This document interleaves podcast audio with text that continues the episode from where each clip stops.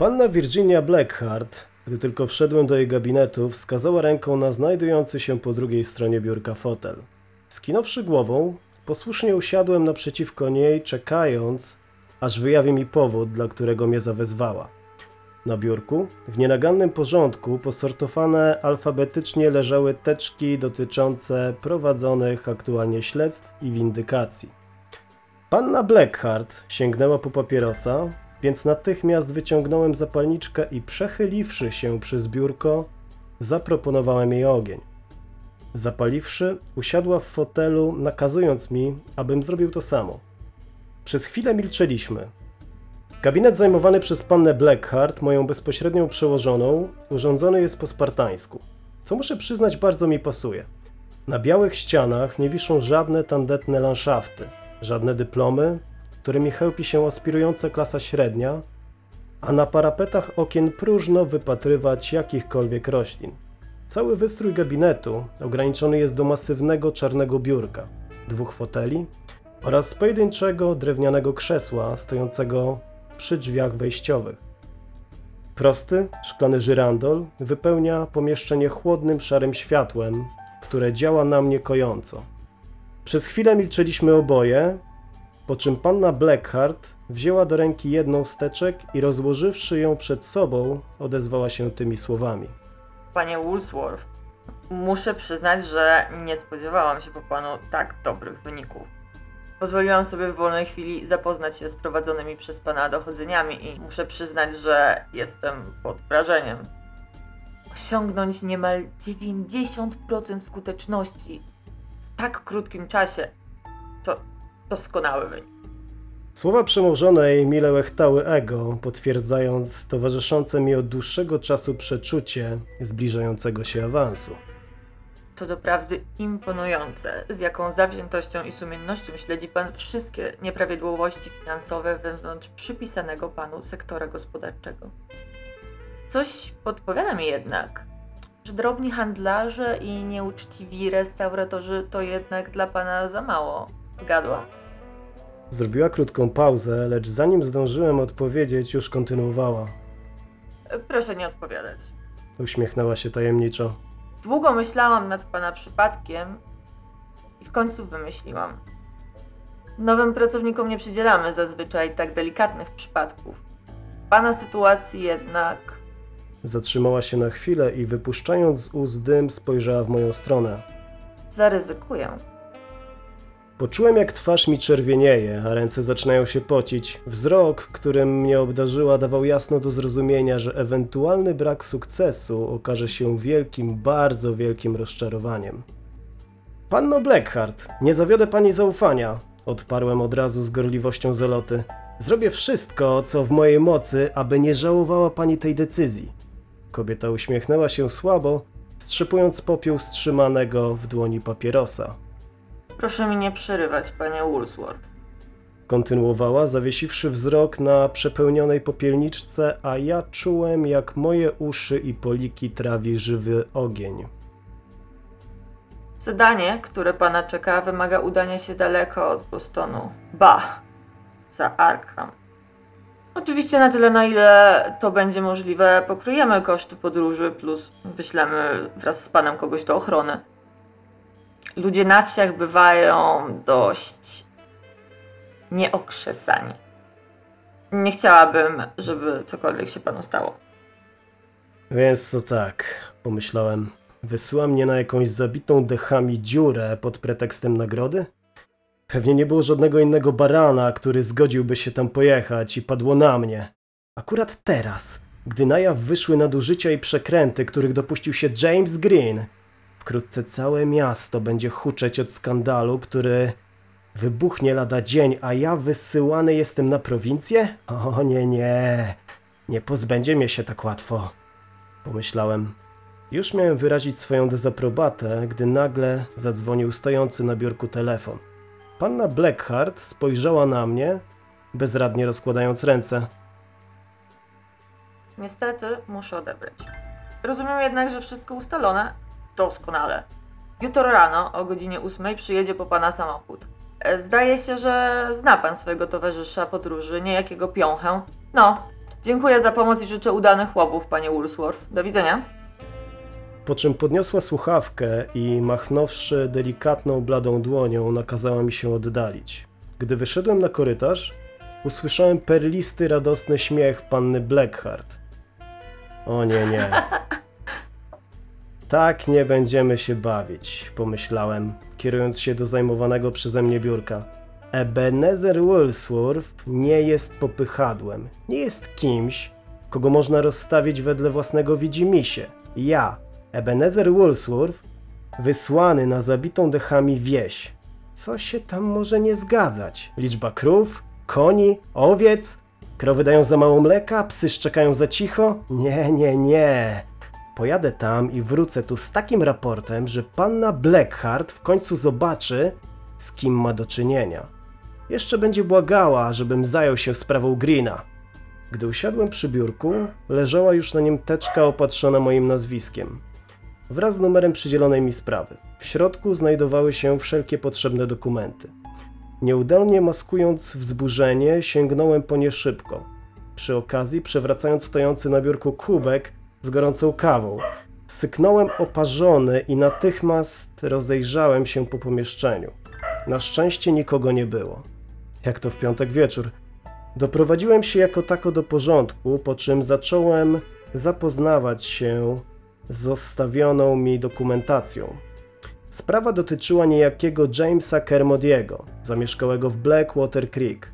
Miejscowość znajdowała się około 6 godzin drogi od Arkham i zamieszkiwana była przez rolników zajmujących się głównie uprawą kukurydzy, w mniejszym stopniu hodowlą bydła. Jamesowi Carmodiemu zdarzało się w przeszłości zalegać z odprowadzaniem podatku do urzędu skarbowego. Kilkukrotnie był nawet w związku z tym karany. Za każdym razem zaległości były jednak regulowane w przeciągu kilkunastu dni, wraz z naliczonymi odsetkami.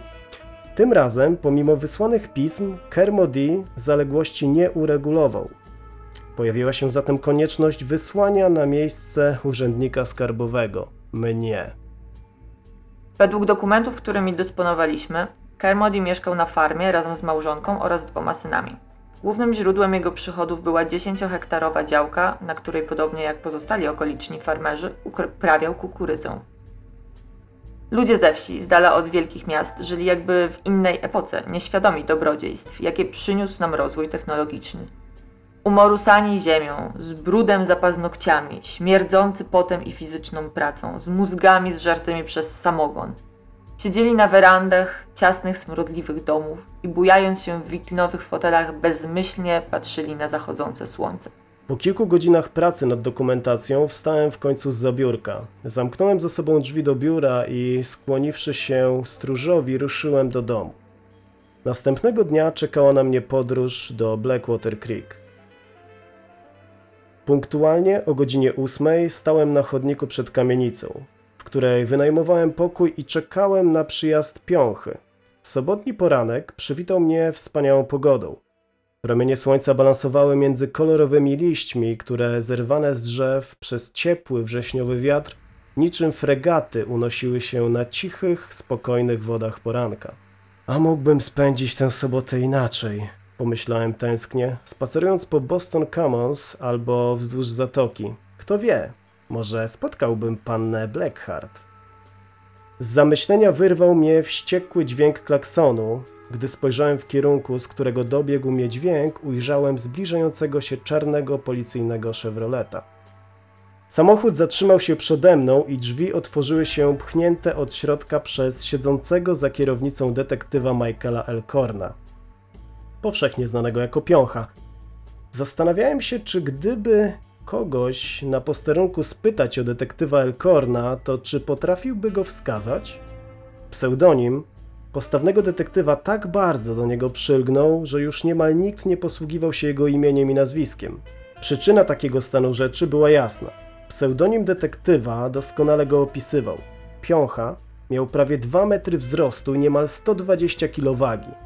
Na komisariacie mówiono, że gdy idzie korytarzem szeroko rozstawiając swoje wielkie stopy, to wprawia w drżenie zamieszczone na ścianach pamiątkowe fotografie oraz stojące na biurkach kubki z kawą. Chłop robił wrażenie swoją posturą. To też brał udział we wszelkich policyjnych akcjach. Sama postura Elkorna, a zwłaszcza jego wielkie, masywne dłonie, którymi spokojnie mógłby skręcić kark bizonowi, skutecznie zniechęcały przestępców do jakichkolwiek wybryków.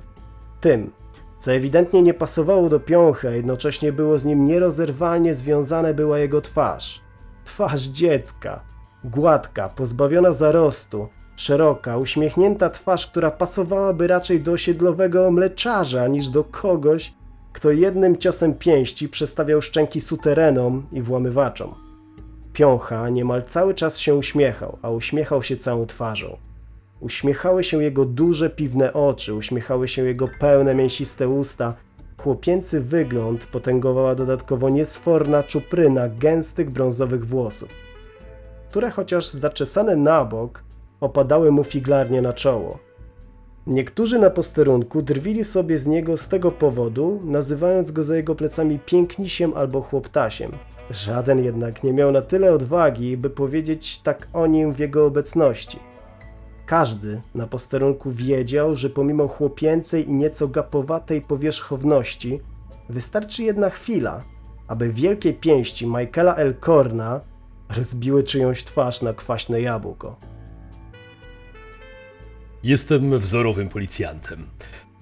Nie zadaję zbędnych pytań, wypełniam polecenia przełożonych. W piciu zachowuję umiar, chociaż wypić mogę o wiele więcej niż moi koledzy od kielicha. Na strzelnicy radzę sobie nie mniej lepiej. Przełożeni najbardziej cenią we mnie jednak coś zupełnie innego. Jestem całkowicie pozbawiony ambicji. Nie interesują mnie awanse, medale za zasługi i wyróżnienia. Nie myślę o zajmowaniu cudzych stołków ani o robieniu kariery. Po prostu przychodzę rano na komisariat, robię co miałem zrobić i wychodzę. Y, Witam, panie Woolsworth. E, Zanosi się na miły weekend za miastem, prawda? Zagaił uśmiechając się od ucha do ucha. Świeże, zdrowe powietrze dobrze nam zrobi. Tym tutaj w Bostonie prawie nie da się oddychać. Pokiwałem tylko głową i wsiadłem do środka. No to w drogę, panie inspektorze. Oznamił radośnie i zaczął gwizdać sobie tylko znaną melodię.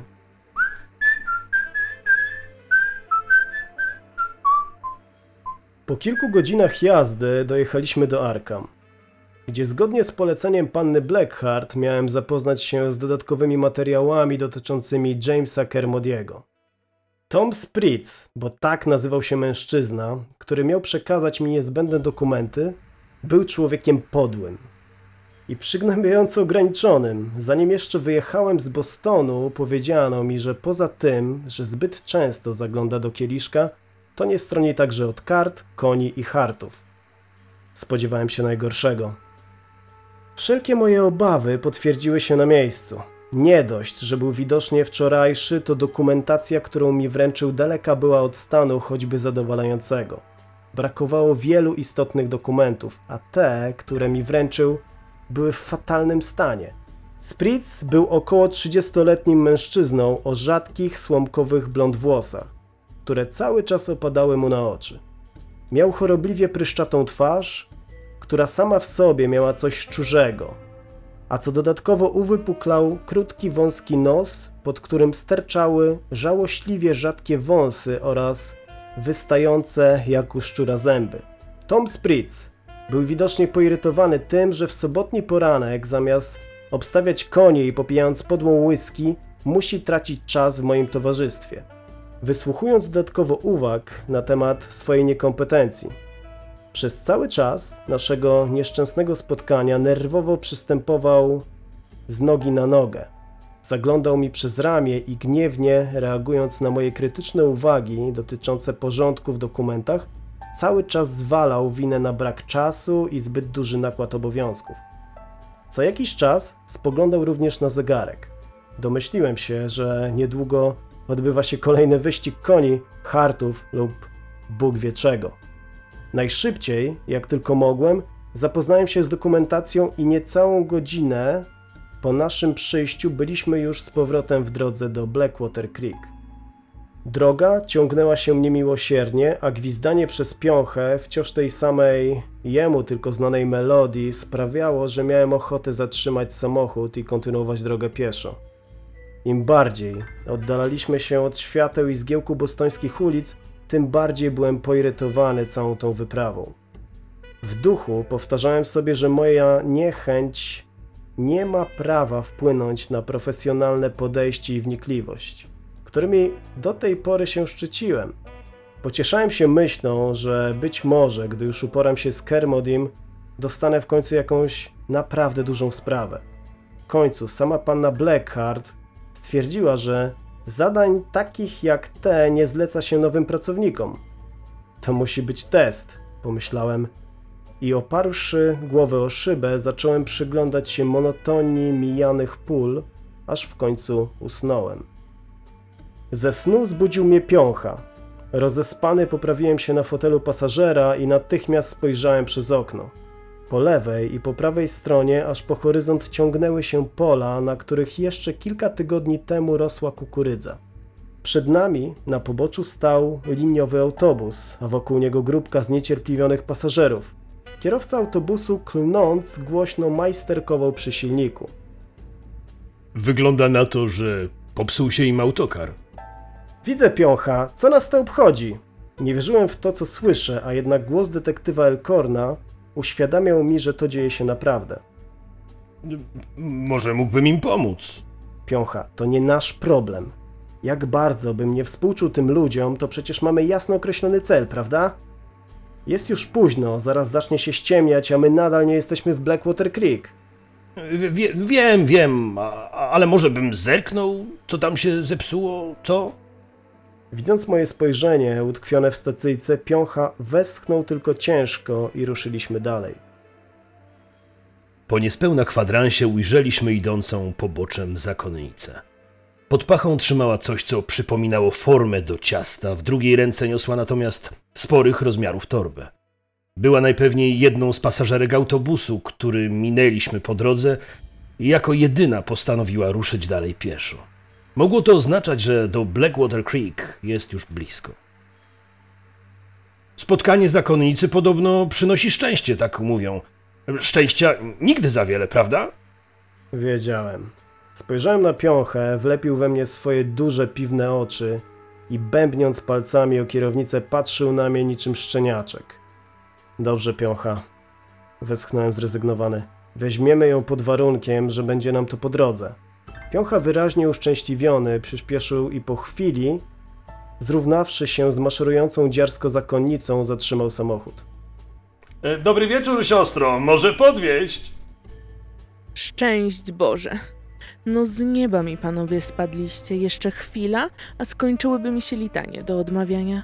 Panowie do Blackwater Creek? E, tak, tak. Szybko potwierdził piącha, wychodząc z samochodu. Siostra wsiada do środka, a, a ja wrzucę rzeczy do bagażnika. Zaciekawiony piącha uchylił przykrywający formę ręcznik i po samochodzie rozszedł się zapach jabłek i ciepłego ciasta. Sz- szarlotka, moja ulubiona. Jak dojedziemy na miejsce, ukroję panu kawałek. Obiecuję. Piącha z uśmiechem od ucha do ucha ostrożnie umieścił ciasto w bagażniku i po chwili kontynuowaliśmy podróż. Uśmiech nie schodził mu z twarzy przez całą dalszą drogę do Blackwater Creek. Widzę, że panowie w jakichś ważnych sprawach. Tylko tego brakowało, pomyślałem. Zaraz zacznie się wypytywanie, a po co, a do kogo, a co się stało. Już wolałbym klepać litanie. A wie siostra, Spojrzałem zdumiony na piąchę, który nie robiąc sobie nic z moich niemych protestów podjął rozmowę. jedziemy do Blackwater Creek.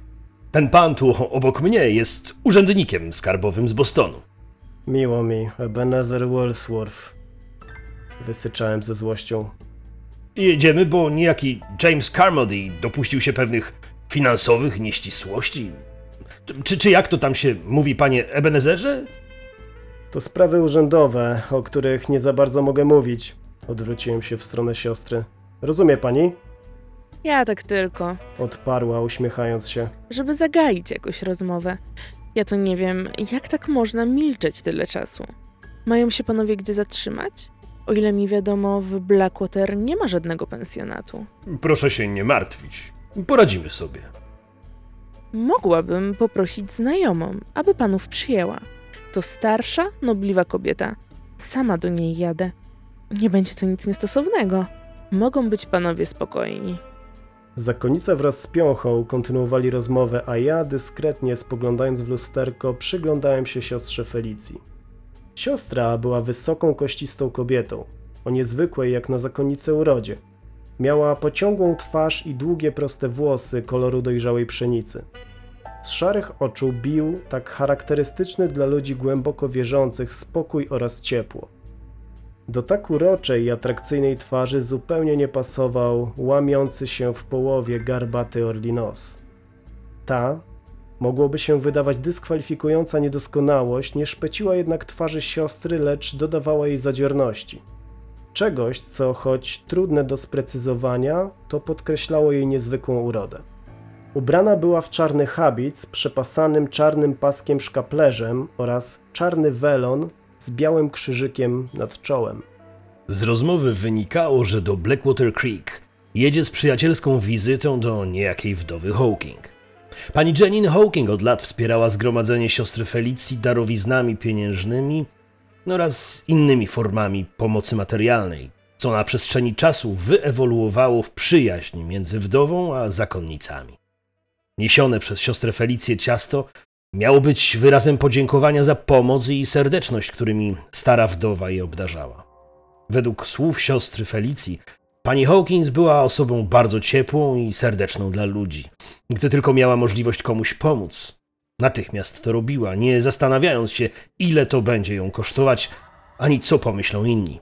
Jednocześnie uparcie obstawała przy swoich racjach i przekonaniach. Zwykła mówić głośno i wyraźnie o tym, co jej się nie podobało. Była gorącą zwolenniczką ogłoszonej jakiś czas temu prohibicji. Uważała bowiem, że alkohol i papierosy to w istocie narzędzia szatana, którymi otumania on ludzkie umysły i wiedzie na wieczne potępienie. Piącha cały czas kiwał przytakująco głową, rzadko wtrącając się do rozmowy. Nie wiem, na ile faktycznie zgadzał się z siostrą Felicją, a na ile myślał o znajdującym się w bagażniku cieście, ale rozmowa z duchowną sprawiała mu bardzo dużą przyjemność. Aby uniknąć wciągnięcia w konwersację, otuliłem się paltem i udając, że śpię, spoglądałem na mijany krajobraz. Wszędzie, po obu stronach piaszczystej drogi, którą jechaliśmy, po horyzont ciągnęły się gołe pola. Przygnębiająca nuda monotonnego krajobrazu zaczęła powoli wywoływać we mnie dziwny smutek. Jak ludzie mogą tu żyć? Zastanawiałem się w duchu. Bez kin, kawiarni, knajp, bez braku samochodów i chryku, śmiechu kobiet i świecących kolorowo neonów? Z każdej strony otaczały nas gołe pola, po których między gnijącymi resztkami upraw przechadzały się stada najprzeróżniejszego ptactwa. Nerwowe krakanie wron mieszało się z ćwierkaniem wróbli i innych nieznanych mi ptaków. Grzebiąc w ziemi za resztkami kukurydzy, nie widziały czarnych, drapieżnych kształtów, które dryfując wysoko na niebie, czekały tylko, aby w odpowiednim momencie spaść na nie z furią i rozerwać ostrymi pazurami. Co jakiś czas przez pole przebiegała rodzina dzików lub statko saren. Nuda. Gdy na horyzoncie pojawiły się w końcu pierwsze nieliczne zabudowania Blackwater Creek, było już późno, zimno i myślałem, że podróż tutaj zajęła nam lata, a nie godziny. Wrześniowe wieczory w tym roku były wyjątkowo chłodne, więc marzyło mi się tylko jak najszybciej dojechać na miejsce, znaleźć pokój, zakopać się w pościeli i zasnąć. Wąska, piaszczysta droga prowadziła nas jeszcze przez chwilę, aż w końcu minęliśmy drewniany, zaniedbany szyld Blackwater Creek i wjechaliśmy do wsi. Trzeba było teraz odwieźć siostrę Felicję na miejsce i rozejrzeć się za noclegiem. Gdy mijaliśmy pierwszy w okolicy dom, znajdujący się nieco na skraju całej osady, spostrzegłem siedzącego na werandzie mężczyznę. Zatrzymaj się! Zapytam tego tam, gdzie możemy przenocować. Dom, przed którym się zatrzymaliśmy, nie różnił się niczym od tysięcy innych domów w regionie. Tak jak te, które mijaliśmy po drodze, zbudowany został na planie prostokąta i obłożono go poziomo deskami, które swoje najlepsze czasy ewidentnie miały już za sobą. Biała farba, którą kiedyś były pomalowane, w wielu miejscach odchodziła od desek wielkimi, łuszczącymi się plastrami, a sam kolor nie miał już nic wspólnego z bielą. Pył, kurz i deszcz sprawiły, że całość prezentowała się naprawdę ponuro. Na otaczającej werandę drewnianej balustradzie stały różnego rodzaju gliniane wazy i dzbany, pełniące zapewne funkcję ozdoby. Całość budynku wieńczył prosty, spadzisty dach. Przed domem, na drewnianej werandzie, bujając się w fotelu, siedział starszy mężczyzna. Paląc fajkę, spoglądał w naszym kierunku, jakby zastanawiał się, czy przed jego domem naprawdę zatrzymał się samochód. Bezmyślnie wypuszczając kolejne kółka dymu, kołysał się tylko w przód i w tył. Wisząca u sufitu werandy pojedyncza lampka rzucała odrobinę światła na opartą o ścianę strzelbę. Zanim wysiadłem, spojrzałem jeszcze w kierunku piąchy i niemal uderzyłem głową o sufit. Gdy niespodziewanie usłyszałem donośny, skrzekliwy głos dochodzący od strony domu, zanim zdążyłem się odwrócić z samochodu, wygramoliła się już siostra Felicja i szybkim krokiem ruszyła w kierunku werandy. Szczęść Boże, pastorze! Mężczyzna przestał się bujać i oparłszy się o ścianę domu, ciężko podniósł się z fotela. Ech, wszelki duch Pana Boga chwali. Szczęść Boże! Nie poznaje mnie pastor? To ja, siostra Felicja Hemson. Usłyszałem głos siostry Felicji. Zakonnica złapała się pod boki i przechyliwszy zadziornie głowę, spojrzała na mężczyznę. Spotkaliśmy się kiedyś w Arkham z przeoryszą Cecylią. Pamięta pastor? Na święta Bożego Narodzenia wspólnie zorganizowaliśmy wieczerzę wigilijną dla najuboższych. Duchowny nerwowo przełknął ślinę i spojrzał na znajdującą się przed nim kobietę. Za wszelką cenę unikając jej wzroku. Co wydało mi się nieco dziwne, skoro rzekomo się znali. Nerwowo obracając fajkę w dłoniach, taksował siostrę wzrokiem, po czym bezradnie rozłożył ręce. Siostra wybaczy, ale lata już nie te co kiedyś. Głowa nie ta, pamięć szwankuje. Powiedział stukając się w głowę fajką. Nie znaczy to oczywiście, że was tu nie przyjmę. Jak mówi pismo, głodnych nakarmić, spragnionych napoić, nagich przyodziać, przybyszów w dom przyjąć i tak dalej, i tak dalej. A właśnie, kim są siostry towarzysze? Zakonnica odwróciła się w stronę samochodu, przywołując nas wzrokiem. Przedstawiam pastorowi detektywa Piąchę oraz pana... Ebenezer Woolsworth, Urząd Skarbowy w Bostonie, dobry wieczór. Pastor, a także szeryf, Dick Sprouson. Zaskrzeczał w odpowiedzi, podnosząc brew. Miło mi panów gościć w moim domu. Policjant, urzędnik i zakonnica, jak w jakimś kawale, co? Piocha wesoło pokiwał głową, po czym ruszyliśmy do środka za gospodarzem. Ale zaraz! Odwrócił się nagle na pięcie, stając twarzą w twarz z zakonnicą. Siostra Felicja! No przecież, już pamiętam. Jak mogłem zapomnieć? Teraz już pamiętam, tak. Zima, wieczerza wigilijna i przeorysza Cecylia, która cały wieczór chodziła boso, bo dała buty jednemu z bezdomnych. Jak mogłem zapomnieć? Wykrzyknął zadowolony. Światło zwisającej z dachu werandy lampki, chociaż liche, pozwoliło mi przyjrzeć się naszemu gospodarzowi. Mężczyzna miał na około 60 lat. Ubrany był w podniszczony, poplamiony w wielu miejscach czarny garnitur, co samo w sobie wołało już o pomstę do nieba. Spod marynarki wystawała zżółkła, niegdyś biała koszula. Na nogach miał parę rozklejonych, ubrudzonych zaschniętym błotem butów z rozwiązanymi sznurowadłami. Całości wizerunku dopełniała zawiązana pod szyją czarna apaszka. Przedstawiciel lokalnej władzy, a wygląda zupełnie jak jeden z tych zapijaczonych bostońskich próżniaków, którzy przez całe dnie chleją whisky w zatęchłych piwnicach. Pomyślałem, starając się nie zapominać, żeby zachować uśmiech na twarzy. Pastor i szeryf w jednym. Jak to w ogóle jest możliwe? W milczeniu weszliśmy do środka. Państwo z Proudstone najwyraźniej szykowali się do wieczerzy, bo na stole znajdowały się już dwa przygotowane nakrycia. Wchodząc do salonu, natrafiliśmy akurat na wychodzącą z kuchni panią z Proudstone. Otyłą, starszą kobietę, której wygląd był definicją niejakości. Jedynym, co zwróciło moją uwagę, była para zmęczonych, podkrążonych oczu, którymi na nas spojrzała. Kochanie, mamy niespodziewanych gości. Czy znalazłoby się dla nich nakrycie? Ależ oczywiście, Dick. Kobieta odpowiedziała beznamiętnym głosem, Przybyszów w dom przyjąć, czyż nie? po czym bez słowa oddaliła się do kuchni, a my zasiedliśmy przy stole. Pomimo tego, że dom państwa z Proudstone z zewnątrz sprawiał przykre wrażenie powolnego upadku, to w środku panował nienaganny porządek. Na starannie pomalowanych ścianach wisiały co prawda nudne sztampowe landszafty, a półki uginały się od tandetnych dupereli, ale całość wywarła na mnie jak najlepsze wrażenie. Gospodyni domu, w przeciwieństwie do swojego męża, ubrana była schludnie. Pod nienagannie białym fartuchem, wyszywanym w kolorowe kwiaty, nosiła starannie wykrochmaloną i pachnącą suknię. Była wręcz całkowitym zaprzeczeniem pastora. Jedynym, co mi się nie spodobało, był panujący w środku półmrok i dziwny, nieprzyjemny zapach. Z początku wydawało mi się, że to wiatr nawiewa do środka ów fetor ze znajdujących się wokół pól.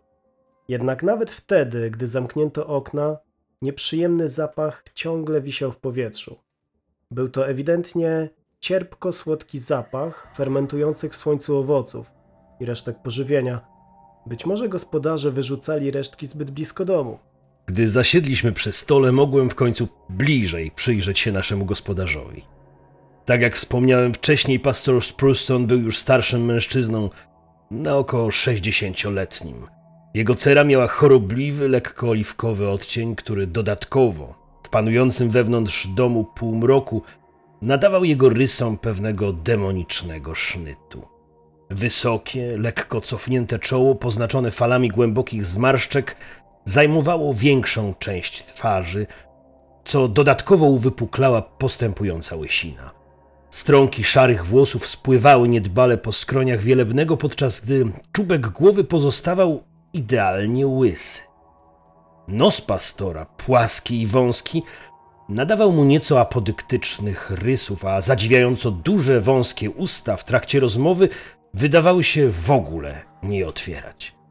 Rozmawiając, spoglądał na nas drobnymi, głęboko osadzonymi oczami, których rozmyte, niebieskie źrenice niechybnie świadczyły o zamiłowaniu pastora do alkoholu.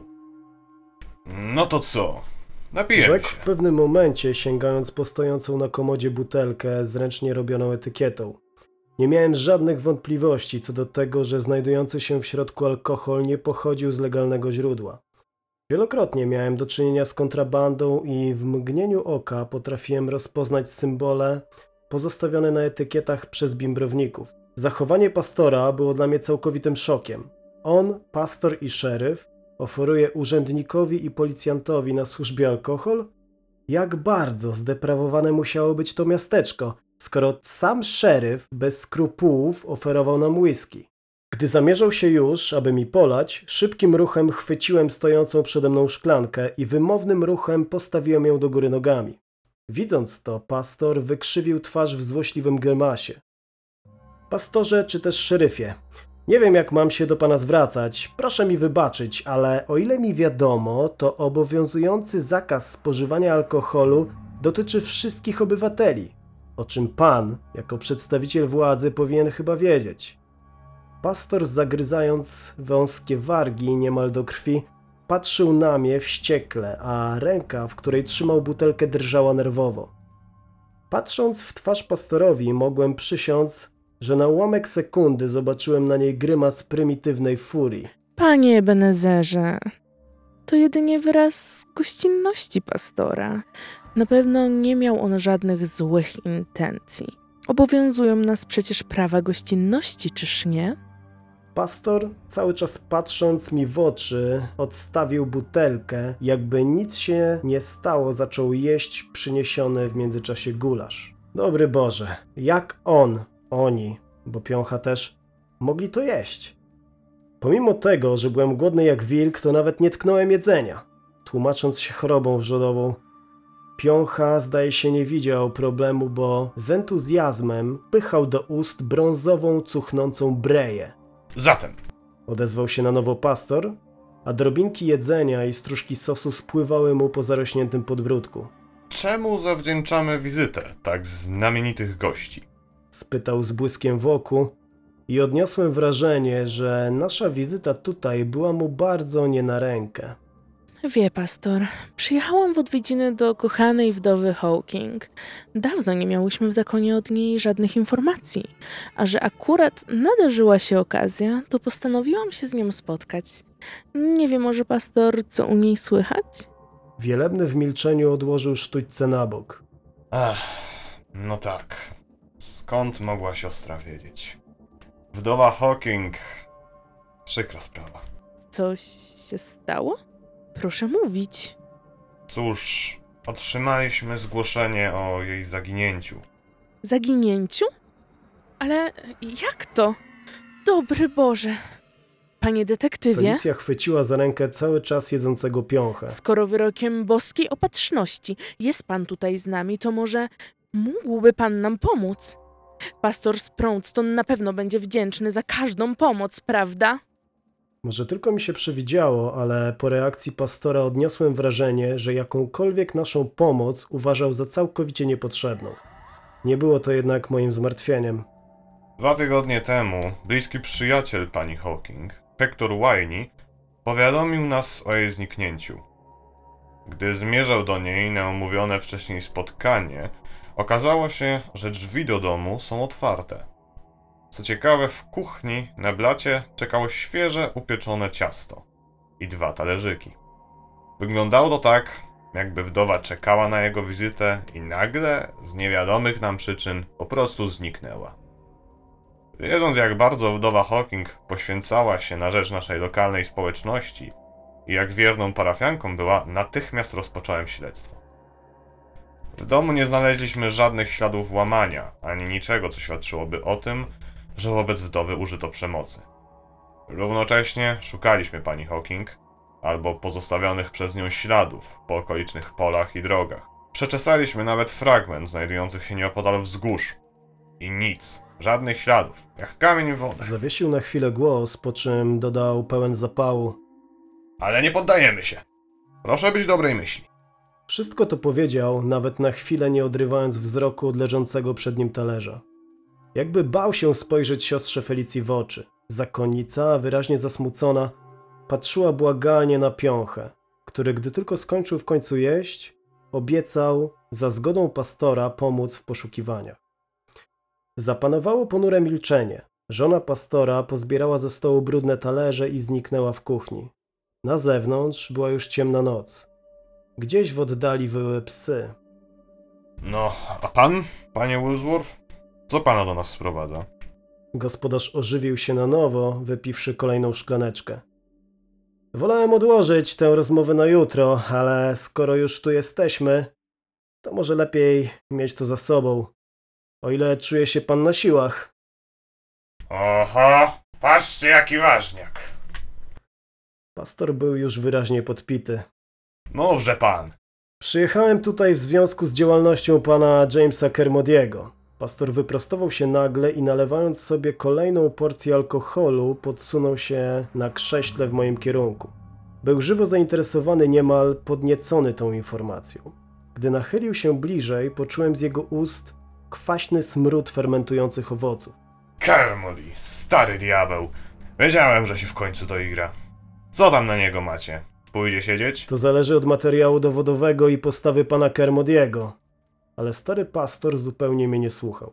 Popijając ze szklanki, wyraźnie zadowolony patrzył w sufit. Carmody, przeklęty Carmody. Ja wiedziałem, czułem, że ta gnida w końcu wpadnie w ręce sprawiedliwości. Tego już było za dużo, za dużo. Słyszy pan? Te wszystkie samochody, które wyjeżdżały do niego późną nocą, wizyty nieznajomych, podejrzanie wyglądających mężczyzn. Wiedziałem, że coś się tam kręci. Ale żeby zwrócić tym uwagę urzędu skarbowego w samym Bostonie? No, no, poważna sprawa. Ale dobrze mu tak, wie pan, dobrze mu tak starej łajzie. Ma za swoje. Skoro domyślał się pan, że na farmie Kermodiego mają miejsce takie podejrzane interesy, bo do tego pan zmierza, to czemu pan nie interweniował? Ma pan przecież ludzi, a nawet przy ich braku powinien pan zgłosić swoje podejrzenia przełożonym. Bałem się, kochanieńki, bałem. Nie znasz pan rodziny Carmodiego i tej całej jego bandy. Podejrzane typy, bardzo niebezpieczne. Kiedyś tacy nie byli, ale odkąd przestałem widywać starego, to znaczy Jamesa, wszystko jakby jeszcze się pogorszyło. Teraz interesem kierują jego synowie, Brendan i Damon. Ale teraz, jak żeście przyjechali, to skrzyknąć mogę chłopaków i jutro pojedziemy do nich w odwiedziny. Ja panu mówię, Karmody to nie jest byle bubek i bez walki się nie podda, ale spokojnie. Wezmę chłopaków i pojedziemy tam uzbrojeni po zęby. Wystrzelamy ich jak kaczki. Mówię panu. Taka deklaracja z ust pastora, prawdę mówiąc szczerze, mnie zdumiała. Mm, nie ma co się podpalać, pastorze. Spokojnie. Jakie podejrzane interesy ma pan na myśli? Ech, gdzie tam? Nic konkretnego, ale sam pan przyznaj. Jakie to interesy mogą załatwiać ciemną nocą z przyjezdnymi, których nikt nawet na oczy nie widział? Czym oni tam handlują jak nie bimbrem? A zresztą, czym by nie handlowali, to podatku od tego z pewnością nie odprowadzają i mają teraz za swoje. Pastor zaśmiał się chrapliwie, spoglądając na mnie mętnym, niemal nieprzytomnym wzrokiem. Widać, musiał pić od samego rana, bo niemożliwe było, aby doprowadził się do takiego stanu kilkoma szklaneczkami whisky. A teraz Czknął głośno. Muszą mi Państwo wybaczyć. Ale udam się na spoczywanie, to znaczy na spoczynek. Jeżeli chodzi zaś o nocleg, to prześpią się Państwo u Jarwayów. Trzeba pojechać dalej prosto i na pierwszym skrzyżowaniu skręcić w lewo. Po jakimś czasie trafią Państwo na farmę starego Malcolma. No, czas na mnie! Zakończył i ciężko opierając się o stół podniósł się z krzesła, a następnie ruszył w stronę prowadzących na piętro schodów. Przykro było patrzeć, jak pastor co chwilę łapie się kurczowo ściany, a każdy kolejny krok jest wyzwaniem rzuconym prawą grawitacji. Cały czas bełkotał coś niezrozumiale pod nosem, aż w końcu z niemałym trudem wspiął się na piętro. Aha! Odwrócił się jeszcze do nas, stojąc na szczycie schodów. Zapraszam oczywiście jutro na, na, na, na nabożeństwo. Nie akceptuję odmowy. Podkreślił wagę wypowiedzi niezdarnym ruchem ręki, po czym zniknął na piętrze. Nie czekając dłużej, pożegnaliśmy się z żoną pastora i udaliśmy się w kierunku farmy Jerwayów. Jadąc samochodem pod wskazany adres, rozmyślałem o tej niezapowiedzianej wizycie. Coś nie zgadzało mi się w zachowaniu pastora, w całej atmosferze tego domu. Wyglądało to tak, jakby pastor w ogóle tam nie pasował. Jego pijaństwo i niechlujność w rażący sposób kłóciły się oczywiście z pełnioną funkcją, ale odniosłem wrażenie, że pastor był tam jakby nie na miejscu. Nie pasował do czystych firanek i zasłon, do dziesiątek biboletów i starannie wyprasowanego obrusu. Między nim a jego żoną, między nim a całym domem panował ciężki do wytłumaczenia dysonans. Mi też nie pasowała jego zapiekła nienawiść do Carmodiego. Zakładając, że brał od nich alkohol, którym regularnie upijał się od rana, to czemu tak na nich psioczył? To nie miało najmniejszego sensu. Czy chodziło o jakieś sprawy finansowe? Czy mogło być tak, że w zamian za milczenie i przymykanie oczu na cały proceder Carmody zobowiązał się do płacenia haraczu? Pieniądze i alkohol w zamian za spokój. Nie było to nic niezwykłego w półświadku. Czyżby Carmody w końcu się zbuntował i teraz pastor postanowił się na nim zemścić? Z dotychczasowej praktyki wiedziałem, że sąsiad czy nie sąsiad, rodzina czy nie rodzina, ludzie gotowi byli do najgorszych podłości wobec siebie, gdy w grę zaczynały wchodzić pieniądze. Pycha, chciwość, żądza, gdy tylko nadarzała się okazja, natychmiast roztaczały przed człowiekiem złudne wizje bogactwa i szczęśliwości, a człowiek, jak to człowiek, ulegał im bezkrytycznie. Mnie sama sprawa zaginionej wdowy interesowała średnio, żeby nie powiedzieć wcale. Staruszce na stare lata najwyraźniej odbiło i nie mówiąc nic nikomu wyszła z domu, zgubiła się i już. Od cała tajemnica.